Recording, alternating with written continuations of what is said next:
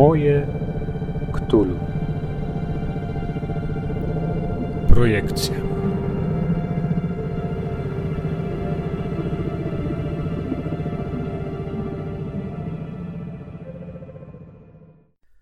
Cześć, jestem Kacper i witam Was w podcaście Moje Ktulu. Moje Ktulu to podcast dla graczy i strażników tajemnic, którzy chcą poszerzyć i pogłębić wymiar nadnaturalnej grozy na swoich sesjach w Ktulu RPG oraz dla miłośników wszelkich gier planszowych, karcianych, komputerowych i fabularnych, które korzystają ze światów wyobraźni Howarda Phillipsa Lovecrafta i jego naśladowców. Witam Was serdecznie w 31 odcinku tego podcastu. Odcinek trochę inny niż dotychczasowy. Niedawno idąc sobie po zakupy do sklepu, słuchałem audiobooka czy nagrania dostępnego na, w serwisie Wolne Lektury, nagrania opowiadania Projekcje Stefana Grabińskiego. I byłem, powiem Wam szczerze, lekko zdegustowany, dlatego że było to nagranie, które powstało w ramach jakiegoś kolejnego grantu digitalizacyjnego. No, Wolne Lektury to jest wspaniały projekt, w ogóle słowa złego nie powiem, ale byłem trochę rozczarowany, bo opowiadanie grozy, jedno z klasycznych opowiadań Grabińskiego, jeszcze z takimi mrocznymi wątkami satanistyczno-erotycznymi, no i strupem na końcu. W zasadzie było przez tego aktora przeczytane w sposób taki rzeczowy i e, no, deklamatorski. Bez żadnego pogłębienia profilu psychologicznego, bez żadnego, e, no nie wiem, tam był nawet wymieniony jakiś reżyser, ale, ale to opowiadanie naprawdę było przeczytane w jakiś taki mało inspirujący sposób. Postanowiłem spróbować swoich sił w związku z tym, tak jak w każdej audycji raczę was krótkim fragmentem literackim, to w tej postanowiłem, że spróbuję swoich sił jako w cudzysłowie dużym i z dużym przymrużeniem oka aktor głosowy i przeczytam dla was to opowiadanie projekcie Stefana Grabińskiego i nim wypełnią dzisiejszy odcinek. Dajcie znać, czy wam się to e, podoba, czy, czy chcielibyście usłyszeć większe fragmenty literackie niż dotychczas w tym podcaście.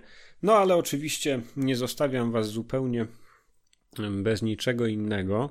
To by było bardzo nie w porządku, gdybym e, zlikwidował pozostałe sekcje tego podcastu nawet na jeden odcinek, dlatego przygotowałem dla Was oczywiście również porcję newsów, których wcale nie brakuje i które za każdą audycją w zasadzie mnie zaskakuje, jak, jak dużo jest do zrelacjonowania. Będą więc nowości wydawnicze, będą zapowiedzi i będzie mały update na temat postępów projektu ze wktulu RPG po polsku wydawnictwa Black Monk. Jest również w dzisiejszej audycji fragment muzyczny, a konkretnie dwa fragmenty muzyczne.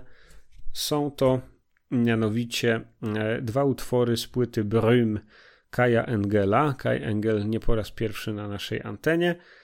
Utwór pierwszy z tego mm, albumu pod tytułem Cendre, czyli Popioły i utwór drugi pod tytułem Mare, czyli Przypływ. Te dwa ambientowe, nastrojowe kawałki usłyszycie e, w przerwach pomiędzy sekcjami dzisiejszej audycji.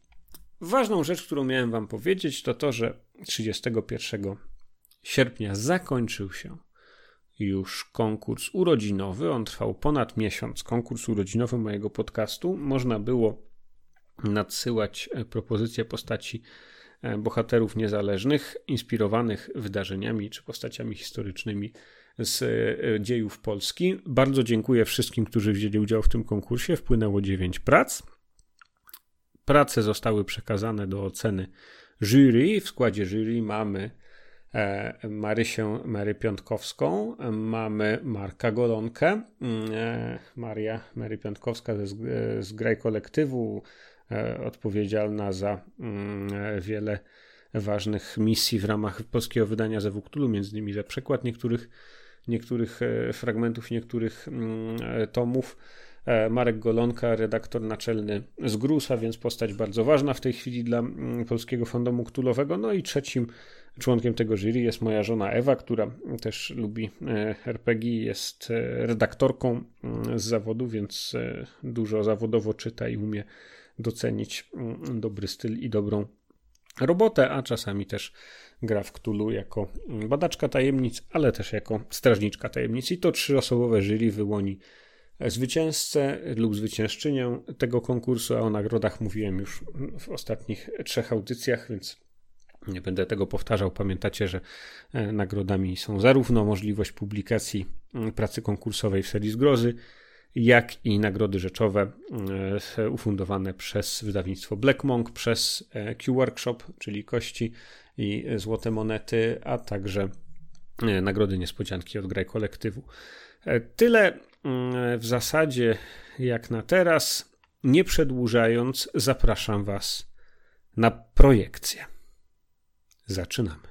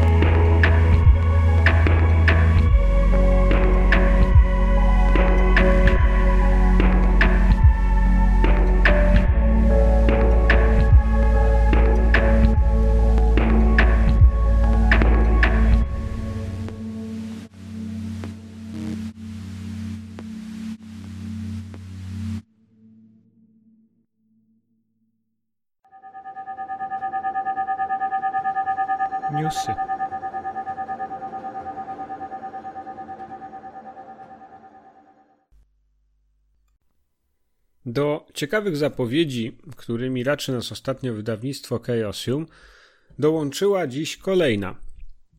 Chaosium obwieściło, że niebawem ma zamiar wydać nowe przygody do Zewu Cthulhu zlokalizowane w Azji Środkowej i północnych Indiach. Autorką tomu pod tytułem The Children of Fear będzie mm, znana dobrze Len Hardy, jedna z e, głównych redaktorek wydawnictwa Chaosum od niedawna zatrudniona tam zdaje się w ogóle na etacie. No i autorka wielu znanych wielu, wielu znanych e, przygód. E, jedna z postaci odpowiedzialnych za między innymi maski Nyarlathotepa w ostatnim wydaniu. Mamy też kilka nowości e, innych wydawców. Na Drive RPG pojawiły się dwa pierwsze tomy, czy w zasadzie trudno nazwać to tomami, dwie pierwsze karty z cyklu One Page Cthulhu.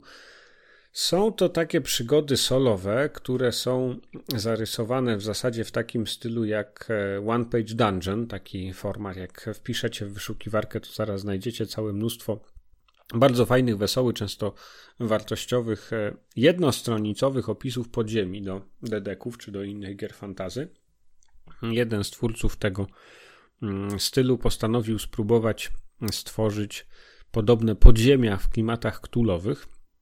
I są to przygody dwie One Page Cthulhu Volume 1 Miskatonic Tunnels, czyli tutaj zgłębiamy podziemne korytarze i e, piwnice, tunele pod Uniwersytetem Miskatonic, a drugi One Page Cthulhu Volume 2 The Black Caverns. Mm, co poza tym, jeśli chodzi o mm, nowe wydania, E, po udanej zbiórce kickstarterowej parę miesięcy temu ukazał się taki tomik wydany w klimacie fanzinowym Other Magic, który zawiera opisy różnego rodzaju mm, e, takich mniej znanych obrządków magicznych. Konkretnie jest to mm, próba przeniesienia magii znanej ze świata potocznego, czyli no, jeśli wierzycie w magię, to wasza sprawa, no ale po prostu różnych folklorystycznych obrzędów, którym przypisywana jest moc magiczna, przeniesienia ich do światów fantastycznych, do światów gier RPG. Z innych nowości mamy e, zupełnie nowy system, który się nazywa Max Tulu. E, beta Max Tulu za 10 dolarów na Drive RPG. Nie zgłębiłem tego jeszcze, może następnym razem coś Wam o tym więcej opowiem, natomiast e, z pozytywnym komentarzem odnotowuję ukazanie się drugiego numeru magazynu czy fanzinu Hypergrafia, w którym jest e, ponad 12 artykułów dotyczących tak różnych rzeczy jak e, nowe czary, jak artefakty magiczne, jest tutaj e, krótkie opowiadanie, jest e, opis bohatera niezależnego do settingu Down Darker Trails. E, są oczywiście inne informacje, inne materiały, chociażby jeden scenariusz i, i szereg zalążków do scenariuszy. Także wszelkiego rodzaju ziny i magazyny zawsze mnie interesują, bo one są bardzo mm, obfite. Nie mogę się doczekać, kiedy się ukaże jakieś drugie wydanie Bait al-Azyf, bo to mi się wydawało naprawdę jednym z najciekawszych zinów ktulowych na równi chyba z Blasphemous Stones, chociaż w zupełnie innym klimacie, w zupełnie innym layoutie. Co tymczasem na Miskatonic Repository? Mm, no tutaj królują niepodzielnie i cały czas bez zmian moi drodzy, królują zgrozy, zgrozy z nowym wydaniem Panorama i z pierwszym anglojęzycznym wydaniem, czyli z wersją angielską Pasterza Ciem, wydaną teraz pod tytułem Shepherd of Moths i ten tomik uzyskał już status miedzianego bestsellera na Drive. Gratulacje wielkie dla zespołu z Gruz. Wasza dobra passa trwa. Czym tymczasem są panoramy. Mm, panorama jest to mm, przygoda rozgrywająca się w latach dwudziestych w Krakowie, której śledztwo osnute jest wokół klasycznych wątków Lovecraftowskiej grozy, a, a mm, tematem jego są historie i tajemnice związane z e, opowieściami i relacjami z Syberii powstańców styczniowych. Pamiętajcie, że w latach dwudziestych właśnie powstańcy styczniowi to jest taki ważny element. Oni mają wtedy w Polsce status chyba zbliżony, można byłoby dzisiaj powiedzieć, do powstańców warszawskich. To są tacy bohaterowie, to są, to są osoby celebrowane, to są osoby e, otoczone kultem i, mm, i czcią w Polsce międzywojennej. Także chwała tutaj Jackowi Ladzymińskiemu, autorowi tego scenariusza, że po takie postaci sięgnął, bo to wzbogaca też nas wszystkich rozumienie właśnie tego okresu dwudziestolecia międzywojennego. No i uwaga, uwaga, wielka niespodzianka. Mm, jeśli chodzi o Miskatonic Repository, to to jest w zasadzie, słuchajcie, no, prawie wszystko. Mamy mm, w zasadzie brak nowych publikacji. Chyba ktoś poszedł na wakacje, jakiś redaktor prowadzący tę linię, czy, czy ktoś inny. Ach, zapomniałbym jeszcze o jednej rzeczy. E, w, z takich drobniejszych publikacji mamy mm, z Chaosium już udostępniony za 4 dolary ten e, scenariusz, który ostatnio zapowiadałem, o którym Wam wspominałem, napisany specjalnie na Necronomicon 2019, czyli na konwent rozgrywający się co roku w mm, Providence w stanie Rhode Island, w rodzinnym mieście Lovecrafta.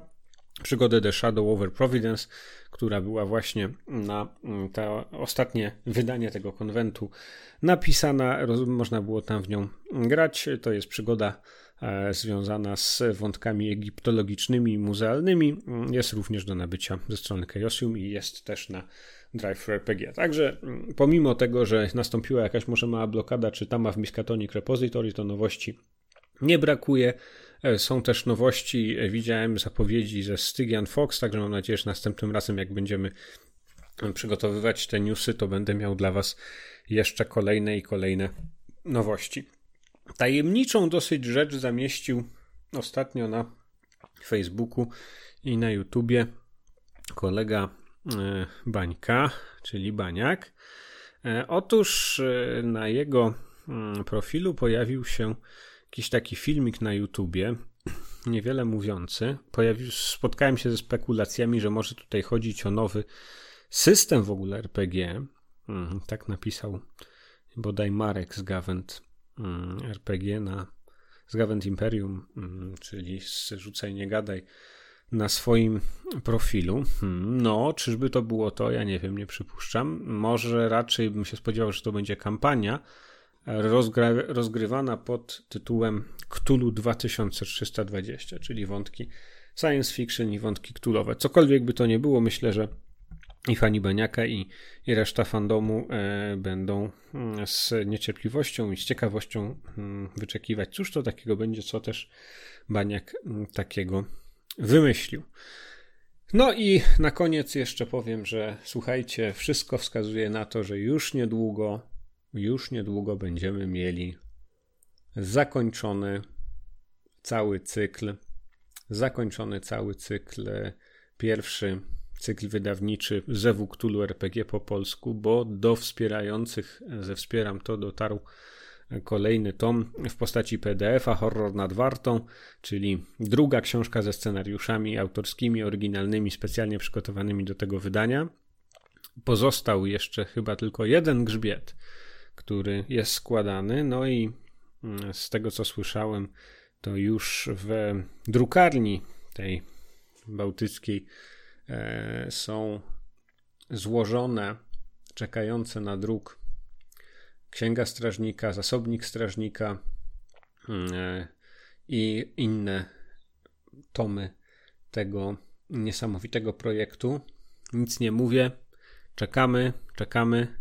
Kto wie, może w ciągu miesiąca, półtora dostaniemy już to wszystko w postaci w postaci drukowanej, w postaci ostatecznej trafi do naszych domów ta wielka zgroza i ten wielki sukces i ta wielka radość, jaką nam daje Zewktul RPG wydawany przez Black Monków. Do tego czasu pozostajemy z wielką niecierpliwością.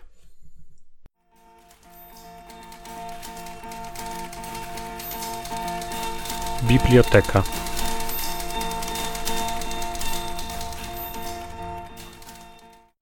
Stefan Grabiński Projekcje Maj 1880 Nazywam się Tadeusz Śnieżko. Z zawodu jestem architektem, mam lat 42 i jestem kawalerem. W piórze nie próbowałem szczęścia nigdy i jeśli dzisiaj zaczynam spisywać swe przeżycia, to naprawdę nie z pobudek literackich. Właściwie sam nie wiem, co mnie skłania do prowadzenia tego dziennika, który prawdopodobnie nigdy nie wyjdzie drukiem, bo mam zamiar zniszczyć go przed śmiercią. Może piszę dlatego, by uświadomić względnie, wytłumaczyć sobie później to, co od jakiegoś czasu przeżywam. Mam wrażenie, że to, co się teraz dzieje, przesuwa się na mym horyzoncie tak szybko, tak nieuchwytnie, że utrwalenie w piśmie ułatwi mi kiedyś orientację. Zresztą, może w ten sposób wynagradzam życiu moje obecne próżniactwo, gdyż od paru miesięcy przestałem pracować. Zmęczony wykonaniem ostatnich projektów architektonicznych, przyjechałem tutaj właściwie na odpoczynek i rozrywkę. Jakoż przez pierwsze tygodnie pobytu w tym mieście bawiłem się nieźle, znalazłszy towarzystwo miłe i dobrane. Dopiero od pewnego czasu wszystko jakoś zmieniło się, zabawy zbrzydły i zacząłem stronić od ludzi. Zdaje mi się, ta nagła zmiana w nastroju nastąpiła dni temu dziesięć, po powrocie z mojej pierwszej wycieczki do ruin starego klasztoru trapistek. Pamiętam ten wieczór, ciepły, słoneczny.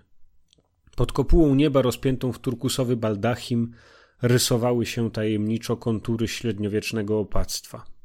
Gorzały purpurą zachodu zwietrzałe koronki wieżyc. Wracałem od ruin wzdłuż klasztornego muru, co poszczerbiony i popękany w tysiące szpar i przepuklin szczerzył się liszajami od łupanego tynku, ropił ranami cegieł. Ze szczytu, przykrytego miejscami spruchniałym zupełnie daszkiem, zwistały festony dzikiego wina, spływał błękitną kaskadą powój. W jednym miejscu ściana załamana w głęboką wnękę ujmowała opiekuńczym uściskiem posążek jakiejś świętej. Rysów twarzy nie można było rozeznać, gdyż zwietrzały kamień odpadł kawałkami i zniekształcił głowę. Tylko szaty zakonne, powłóczyste, sznurem w pół przepasane, świadczyły, że święta była za życia mieszkańką klasztoru. Ówdzie, na zakręcie, z okola tarniny i zliczałych róż wychylała się kapliczka. Czyjaś ręka pobożna nalała oliwy do ampułek i zapaliła światło, które migotało smutnym, nagrobnym blaskiem w szklanych, ciemnowiśniowych latarenkach. Znać miejsce często nawiedzane, bo na przechylonej ku piersi szyi Zbawiciela chwiał się w powiewach wieczornych świeży wianek róż i jaśminu. Krwawy blask latarek Ślizgał się cicho po sercach wotywnych, po zeschłych kwiatach, różańcach, czarnych paciorkach i lizał zżółkłe, umęczone stopy Chrystusa. Wróciłem smutny i zamyślony. W nocy śniły mi się ruiny, ich pustka głucha, beznadziejna i smutek cichy, klasztorny. Zbudziłem się znużony, z głową bolącą i ze wspomnieniem woni starych, zasuszonych ziół i płaczu konających gromnic. Po południu odwiedziłem znów klasztor, by powrócić wieczorem z uczuciem łagodnego smutku i melancholii. Tak powoli zżywałem się z rozwalinami, doznając w ich otoczeniu wrażeń dziwnych, dotychczas mi nieznanych, pełnych ukrytego czaru i tajemniczości. Dobrze mi było błądzić tak godzinami po długich, chłodnych korytarzach, gdzie kroki moje budziły dawno przebrzmiałe echa, zapuszczać się w kryte ganki podniebnych wież, przemierzać wieczorną porą wyniosłe refektarze. Słodko było spędzać słoneczne popołudnia w zaciszu klasztornych murów, otwierać puste i zimne cele na pół zagrzebane i zielskiem zarosłe kaplice. Jakaś moc tajemna ciągnęła mnie do tych ruin i zwiedzałem je codziennie, zawsze z tym samym zajęciem – z tym samym uczuciem nieokreślonego lęku i czaru zarazem. A stary klasztor miał swe tajniki, ukryte głęboko przed okiem ciekawych komysze i podziemne zapusty, które rozpięte krzyżową siecią lochów i piwnic szły hen, hen w podwaliny murów. Każdy dzień przynosił niespodziankę, każda wycieczka nowe odkrycia. Nie potrzebowałem przewodnika ani burgrabi. Obznajomiony dobrze z techniką architektoniczną średniowiecza, orientowałem się szybko, odgadując niejednokrotnie intuicją zawiłe problemy budowniczego. Zapoznałem się również z historią klasztoru, którą znalazłem w małym dziełku z XVIII wieku antykwarza. Klasztor uległ zniszczeniu w czasie wojen w wieku XVII od kul armatnich, chociaż podobno stał pustką już pół wieku przedtem – z niewiadomych przyczyn.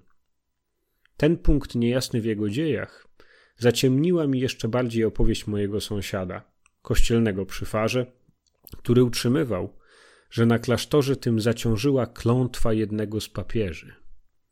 Powodu anatemy nie umiał mi podać. W każdym razie już przez pięćdziesiąt lat z górą przed wspomnianym bombardowaniem klasztor świecił pustkami. Chodziły też wieści, że wieczorną i nocną porą snują się po celach i korytarzach białe postacie w zakonnych szatach, słychać śpiew pogrzebowy i głos organów. Wiosną, zwłaszcza w porze majowej, dochodziło podobno z ruin echa piekielnych śmiechów i długi, przejmujący chichot kobiecy. Oczywiście gawenda starego poczciwca nie wpłynęła w niczym na gorliwość, z jaką odwiedzałem klasztor. Uważałem całą historię za romantyczny pieprzyk, za rodzaj ornamentyki, która uzupełniała tylko obraz ruin w jednolitą, stylową całość. Każda ruina ma swoje tajemnicze dzieje. W każdej pokutować muszą potępieńcze dusze. Pewnego dnia wróciłem z przechadzki później niż zwykle. Tego popołudnia wspinałem się parokrotnie na wieżę po schodach przeżartych czasem i co krok grożących zawaleniem. Dlatego czułem się trochę znużony. Zapaliwszy światło, usiadłem zamyślony przy biurku i ukryłem twarz w dłoniach. Gdy po dłuższym czasie odjąłem ręce i wyjrzałem przez okno, na dworze panowała już noc zupełna. Zapuściłem storę i usiadłszy z powrotem, zacząłem bezmyślnie wodzić oczyma po pokoju. Nagle postrzegłem na ścianie naprzeciw wyraźny cień klucza. Podszedłem bliżej. Pewny, że ulegam złudzeniu, by przekonać się, że jednak mnie oko nie myli. Na ścianie widniał dokładny kontur klucza. Był duży, z dwoma potężnymi wyimkami w znak greckiego sigma i z obszernym rozmiarów ludzkiej dłoni uchem. Hmm. Skąd się wziął tutaj? W jaki sposób mógł powstać podobny cień? I rozglądałem się uważnie dokoła. Lecz żaden szczegół w otoczeniu nie wyjaśniał projekcji.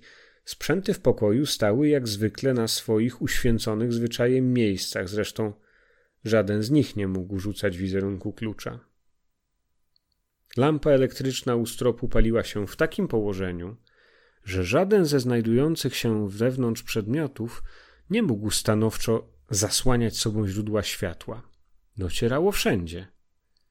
Ciekawa historia, a może istotnie jakiś klucz zwisa ze stropu.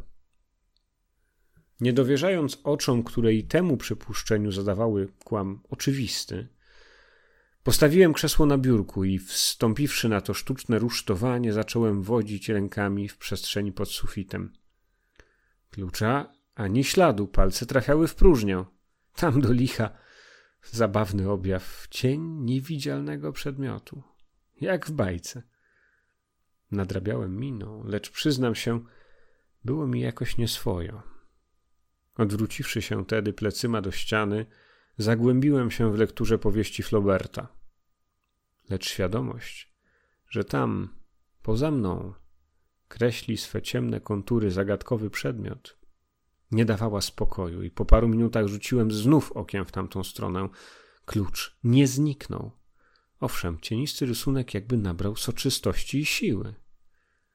Przysunąłem do ściany ekran spod pieca i zasłoniłem nim tajemniczy wizerunek klucza. Cień ekranu wchłonął go w swoje prostokątne ramy i zakrył przede mną. Uspokojony wróciłem do lektury, która potrwała do północy, po czym zgasiwszy światło, zasnąłem nerwowym, niespokojnym snem. Śniły mi się ruiny klasztorów we fantastycznym bengalskim oświetleniu, pełne snujących się po krużgankach mniszek. 2 czerwca 1880 po tygodniowej przerwie zabieram się znów do pisania. Byłem chory i dlatego zaniedbałem pamiętnik. Zresztą nie zaszło w tym czasie nic ważnego. Cień klucza pojawiał się jeszcze parę dni z rzędu i dotychczas nie zdołałem zbadać przyczyny. Ponadto wystąpił dzisiaj wieczorem jakiś inny rysunek, równie zagadkowy i pozbawiony fizycznego podłoża jak tamten.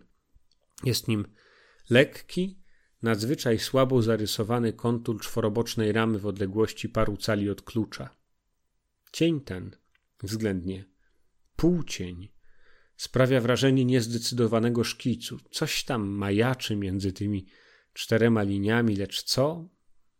Powiedzieć dziś jeszcze nie umiem. Wszystko to zbytnie wyraźne i jakby tylko zaznaczone. Może przyszłość wyjaśni. 3 czerwca. Zdaje się, że znalazłem dla mego klucza jego odpowiednik w rzeczywistości. Błądząc dzisiaj po południu po jednej z galerii klasztornych, potrąciłem o jakiś przedmiot żelazny, który mi zadźwięczał pod nogą. Schyliłem się i podjąłem duży, zardzewiały klucz, zupełnie podobny do tego, który od tygodnia rysuje się na ścianie mego pokoju. Schowałem do kieszeni i mam go tu stale przed sobą. Lecz rzecz dziwna.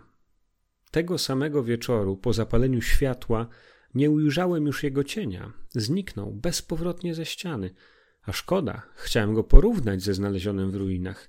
Jestem głęboko przekonany, że to był cień tego samego klucza. Kształtem i wielkością zgadzały się jak najzupełniej. Nie potrafię wytłumaczyć sobie tej dziwnej trochę pewności, lecz niemniej przysiągłbym, że tak jest istotnie.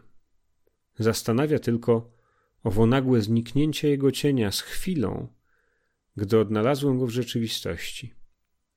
Wygląda to naprawdę na projekcję, tylko w trochę innym niż potoczne znaczeniu. Ostatecznie jednak nie rozumiem celu. Nie wiem po co to wszystko i ku czemu zmierza. Może być wskazówką, może być zapowiedzią. Gubię się w przypuszczeniach. Równocześnie z usunięciem się projekcji klucza wystąpił wyraźniej mdły dotychczas cień drugi. Obraz owej niby ramy. Dzisiaj już linie nabrały sytości i mocy jakby drogą rekompensaty za zanik poprzedniego widma. Owa wczoraj jeszcze mglista, jak pajęczyna wiotka i rozwiewna siatka plam w pośrodku czworokąta, przedstawia się wcale wyraźnie. Patrzę na nią w tej chwili i nabieram przekonania, że jest to wizerunek zakratowanego okna. Lecz krata widocznie jest w samym środku wyłamana, jak gdyby przeszła przez nią wielka działowa kula lub jakiś ciężki, twardy przedmiot. Może kamień? Cienie krat urywają się w środku, który świeci szerokim, białym otworem pustki. W przystępie dziecinnego kaprysu przyłożyłem głowy do tej idealnej wyrwy, by przekonać się, że rozmiarami odpowiada szerokości mojej czaszki.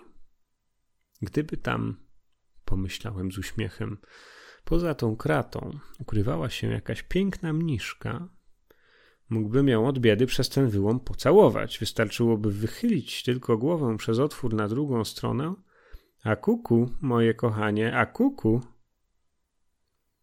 15 czerwca. Od tygodnia staczam walkę z cieniem zakratowanego okna. Uparty cień. Ilekroć usiłuję zasłonić go mym ekranem, podchodzi w górę i zjawia się ponad moją głową, gdzie go nie mogę dosięgnąć. Spinałem się już parę razy na stół, by stamtąd przykryć jego krnąbrny obraz bezskutecznie. Wymyka mi się spod ram ekranu i zjawia na innym miejscu. Dziś przeniósł się na przeciwległą ścianę, tuż nad lustro. Wędrowny cień. A jednak ta włóczęga zdaje się go wyczerpywać, bo jest teraz słabszy, jakby skurczony. Okno zmalało do rozmiaru kilku decymetrów. 17 czerwca. Projekcja wyłamanej kraty skarlała zupełnie. Dziś wygląda jak mały o kilkucentymetrowym obwodzie prostokącik zawieszony gdzieś w górze pod samym sufitem.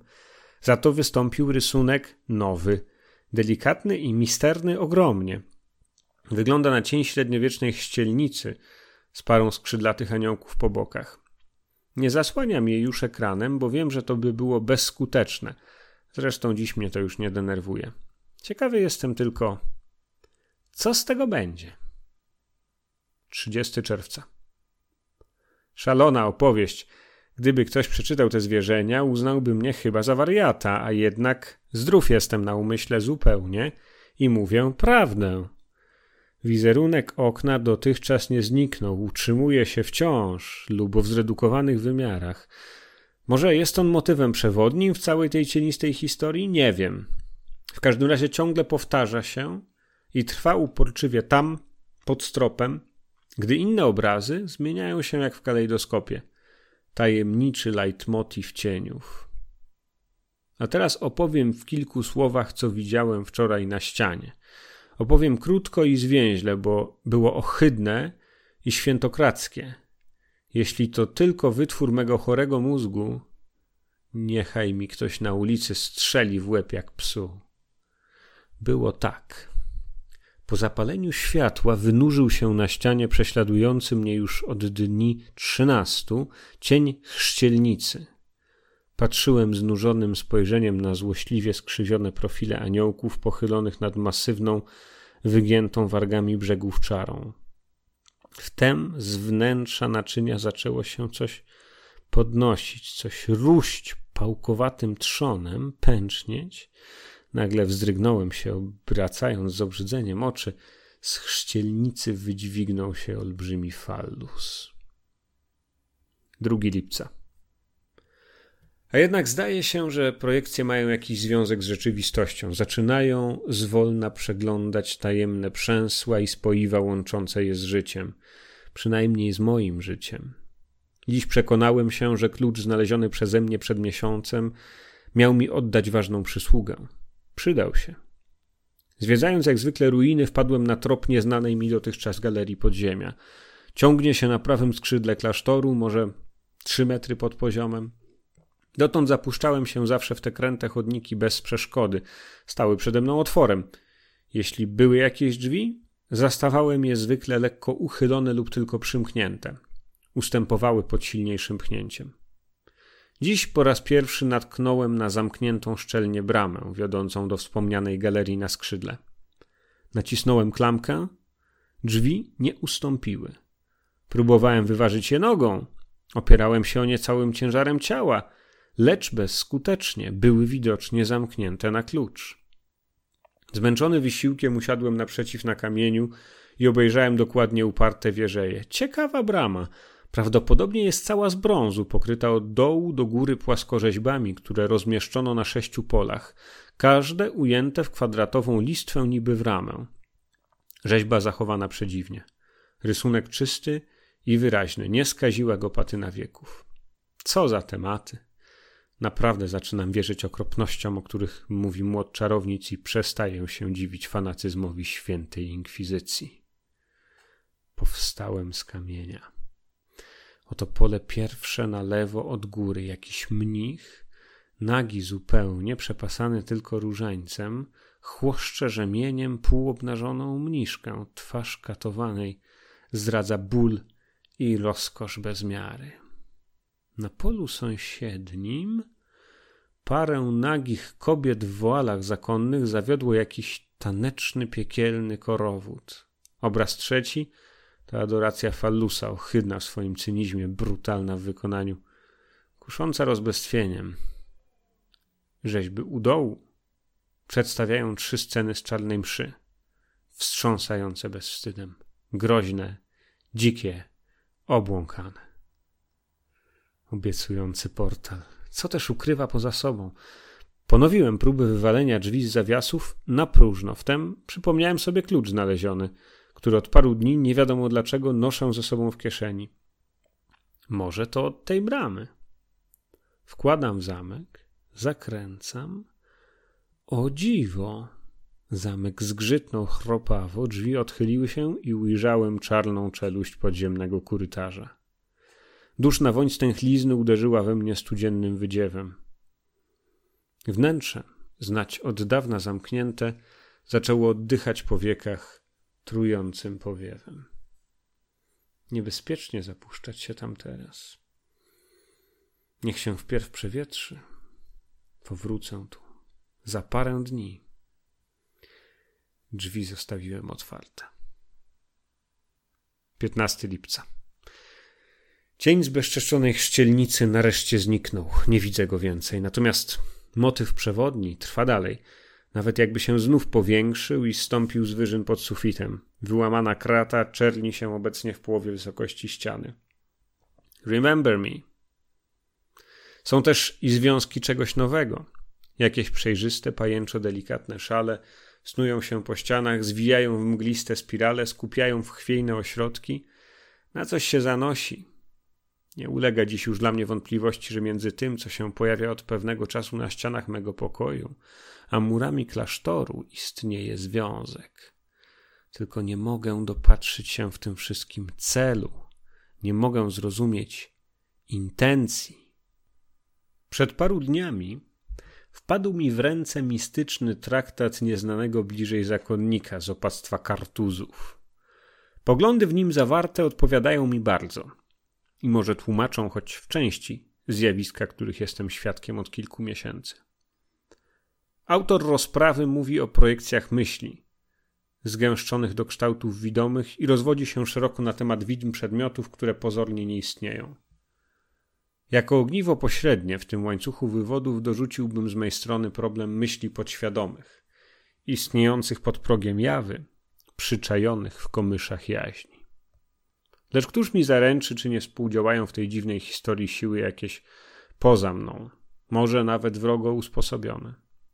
Chwilami ogarnia mnie lęk, okropny lęk i dławi przed zmierzchową porą. W ostatnich czasach spędzam całe wieczory po ciemku – gdyż nie mam odwagi zapalić światła i patrzeć na ścianę. Może by zmienić mieszkanie lub wynająć z kimś drugim na spółkę. 20 lipca. Senne majaki, o których wspominałem ostatnim razem, przybrały kształt wyraźny. Z mgławicy wyłonił się na ścianie cień zdecydowany. Jest nim cudowny profil zakonnicy. Twarz rzymska, o nieskalanie czystych liniach, nos orli – bosko sklepione czoło pod szerokim kornetem, głowa klasycznej westalki. Oczu nie mogę oderwać od ściany. 25 lipca. Wczoraj odkryłem nową odrośl podziemia. Długi, niezmiernie długi chodnik, ciągnący się wąską szyją aż hen, hen poza miasto. Szedłem nim całą długą godzinę. U wylotu znalazłem się na jakimś kamiennym dziedzińcu zarosłym chwastem i trawą ze szczątkami murów i gotyckich wykuszy. I to jakieś ruiny. Lecz na pewno nie są dalszym ciągiem tamtych. Jest to odrębna, zamknięta w sobie całość architektoniczna, również o charakterze zakonnym. Zresztą zbyt to daleko od klasztoru trapistek, niemal pół mili drogi. Jakoż nie pomyliłem się. Dziś wiem już, że są to szczątki opactwa cystersów. Więc istniała podziemna komunikacja. 26 lipca.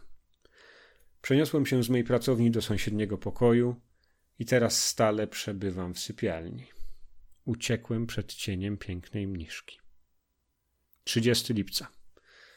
Wszystko nadaremnie. Cień westalki goni mnie i prześladuje od paru dni. Wykwitł i tu, w sypialni, ponad moim łóżkiem a obok złowieszcza miniatura kraty. 2 sierpnia. Przed chwilą wróciłem od lekarza i siedzę w ciemnym pokoju z obawy, by nie ujrzeć ruchu jej warki, długich, jedwabistych rzęs, bo przysięgam wam, one się ruszają. Zauważyłem to wczoraj.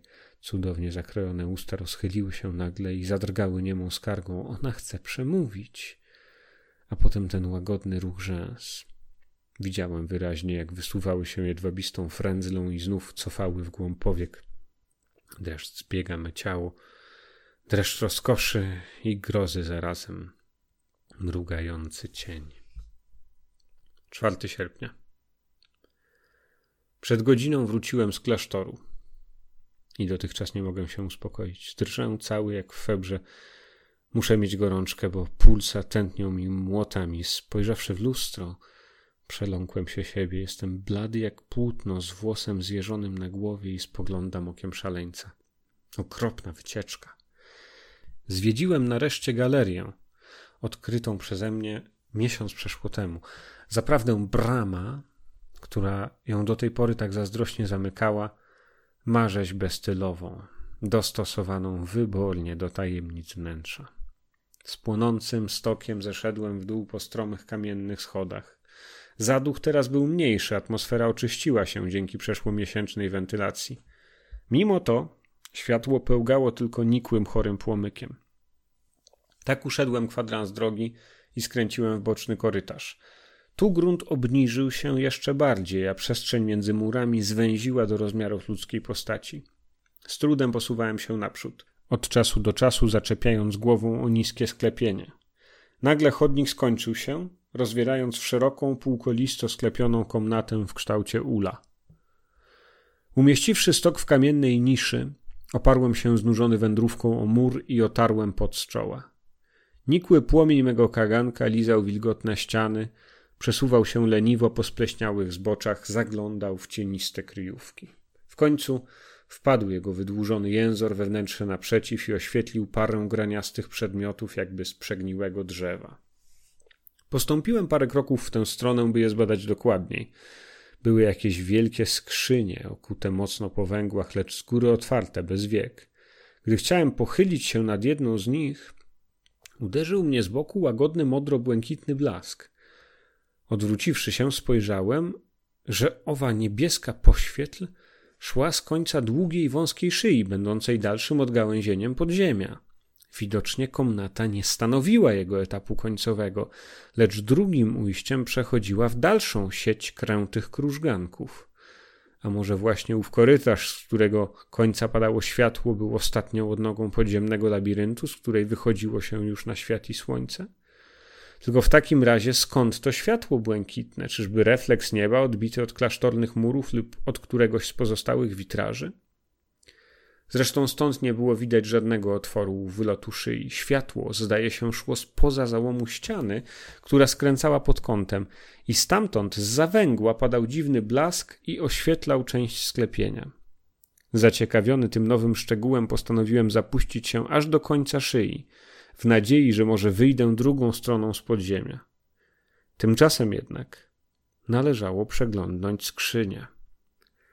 Zanurzyłem rękę w najbliższą, błądząc palcami w ciemności. Wtem natrafiłem na jakiś twardy, gładki przedmiot. Chwyciłem i wyciągnąłem z głębi. Była kość ludzka. Mała, wąska piszczel. Pochyliłem się ze stokiem nad skrzynią. I wtedy spostrzegłem we wnętrzu całe stosy dziecięcych szkieletów. Leżały rozrzucone bezładnie, jedne na drugich, wśród jakichś przegniłych łachów cuchnących szmat, strupieszałych całunów. Wypadłem z grobowca niewiniątek, pędem przebiegłem głuche galerie i ślepe chodniki i po schodach wydobyłem się na świat. A teraz siedzę tu przy biurku siebie i trzęsę się w podrzutach febry, w głowie zamęt, w żyłach gorączka. Patrzę na ścianę przed sobą i szukam profilu westalki diablicy. Rzecz dziwna, nie ma jej już, zniknęła bez śladu, a wraz z nią i motyw przewodni. Ściana jest czysta i pusta. Tabula rasa. Czyżby nareszcie historia skończona? 5 sierpnia. Zdenerwowany tym, co ujrzałem w grobowej komnacie, długo nie mogłem usnąć. W końcu nad ranem zmorzył mnie sen, ciężki, przesycony scenami ponurej grozy. Śniło się podziemie klasztoru i jego rozgałęzione bez końca korytarze. Jednym z nich, w krwawym świetle pochodni, posuwał się orszak zakonników i mniszek. Szaty ich były ciemne, powłóczyste, żałobne, twarze szczelnie ukryte w kapturach. Szli wydłużoną linią w milczeniu. W odstępach między jedną pochodnią a drugą po dwóch mnichów niosło na barkach jakieś ciężary owinięte w czarne, spadające ku ziemi całuny. Wtem odwinęło się jedno żejło i spod niego wychyliła się sztywnie wyciągnięta, trupia, blada rączka dziecka. Kondukt skręcił w znany mi korytarz wiodący do grobowca w kształcie ula. Tu klasztorni żałobnicy rozpostarli całuny i zaczęli po nich staczać zwłoki do skrzyń. Jedna z mniszek przypadła odruchowo do zwolna spadającego ciałka i przywerła do ustami. Ktoś łkał cicho w ciemnościach. Nagle Przodownica orszaku smukła i gibka jak pinia odwróciła się i odrzuciwszy woal spojrzała w moją stronę. Zadrżałem. Westalka. A ona, wskazując palcem w błękitny zakręt galerii, skinęła mi głową. Pójdź, pójdź za mną, gościu. I zaczęła oddalać się w głąb korytarza majestatycznym, harmonijnym krokiem.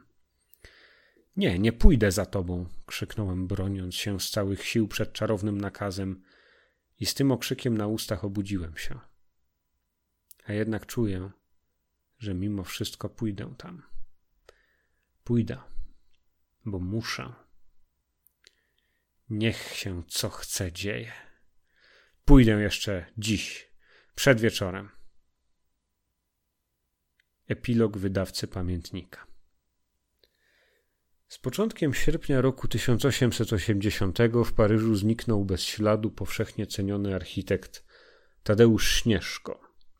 Odkrycie nastąpiło przypadkowo dzięki jednemu ze znajomych, panu Z, który zaniepokojony dłuższą nieobecnością Śnieżki w resursie, udał się do jego mieszkania, by go odwiedzić. Tu dowiedział się od sąsiada i dozorcy domu, że już od dłuższego czasu nikt Śnieżki nie widział. Zamknięte szczelnie drzwi. Wyważono. Wewnątrz inżyniera nie było.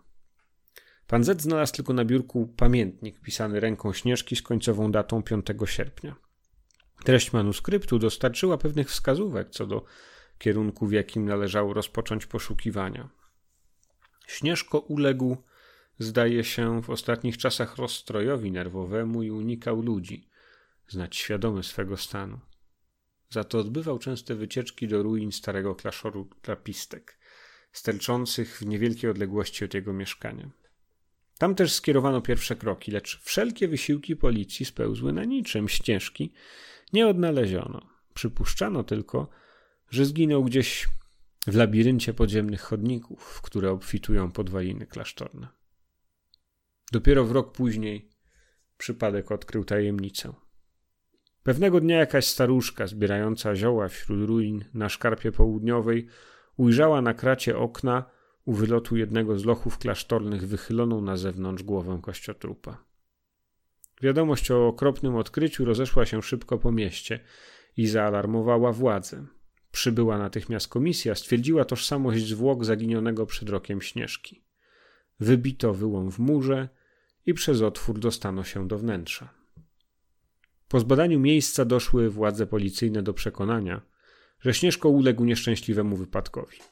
Prawdopodobnie zwiedzając podziemia zabłądził w nieznany sobie korytarz i tu spadł, staczając się gwałtownie w dół po pochyłym terenie, aż do zakratowanego okna.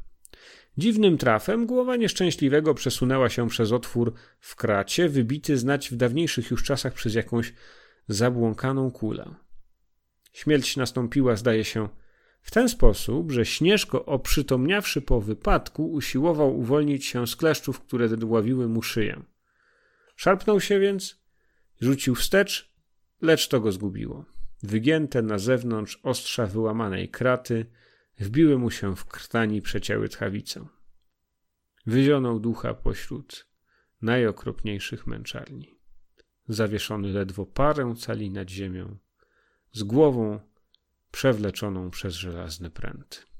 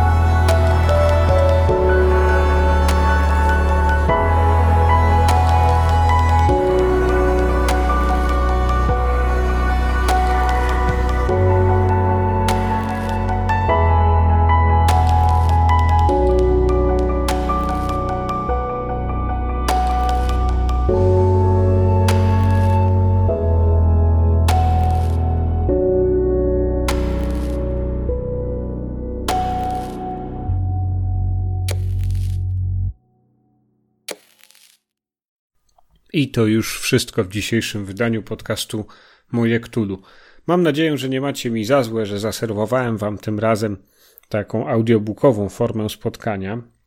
Myślę, że może w przyszłości, jeżeli to zaakceptujecie, raz na jakiś czas, może raz do roku tego typu audycję będę też nagrywał.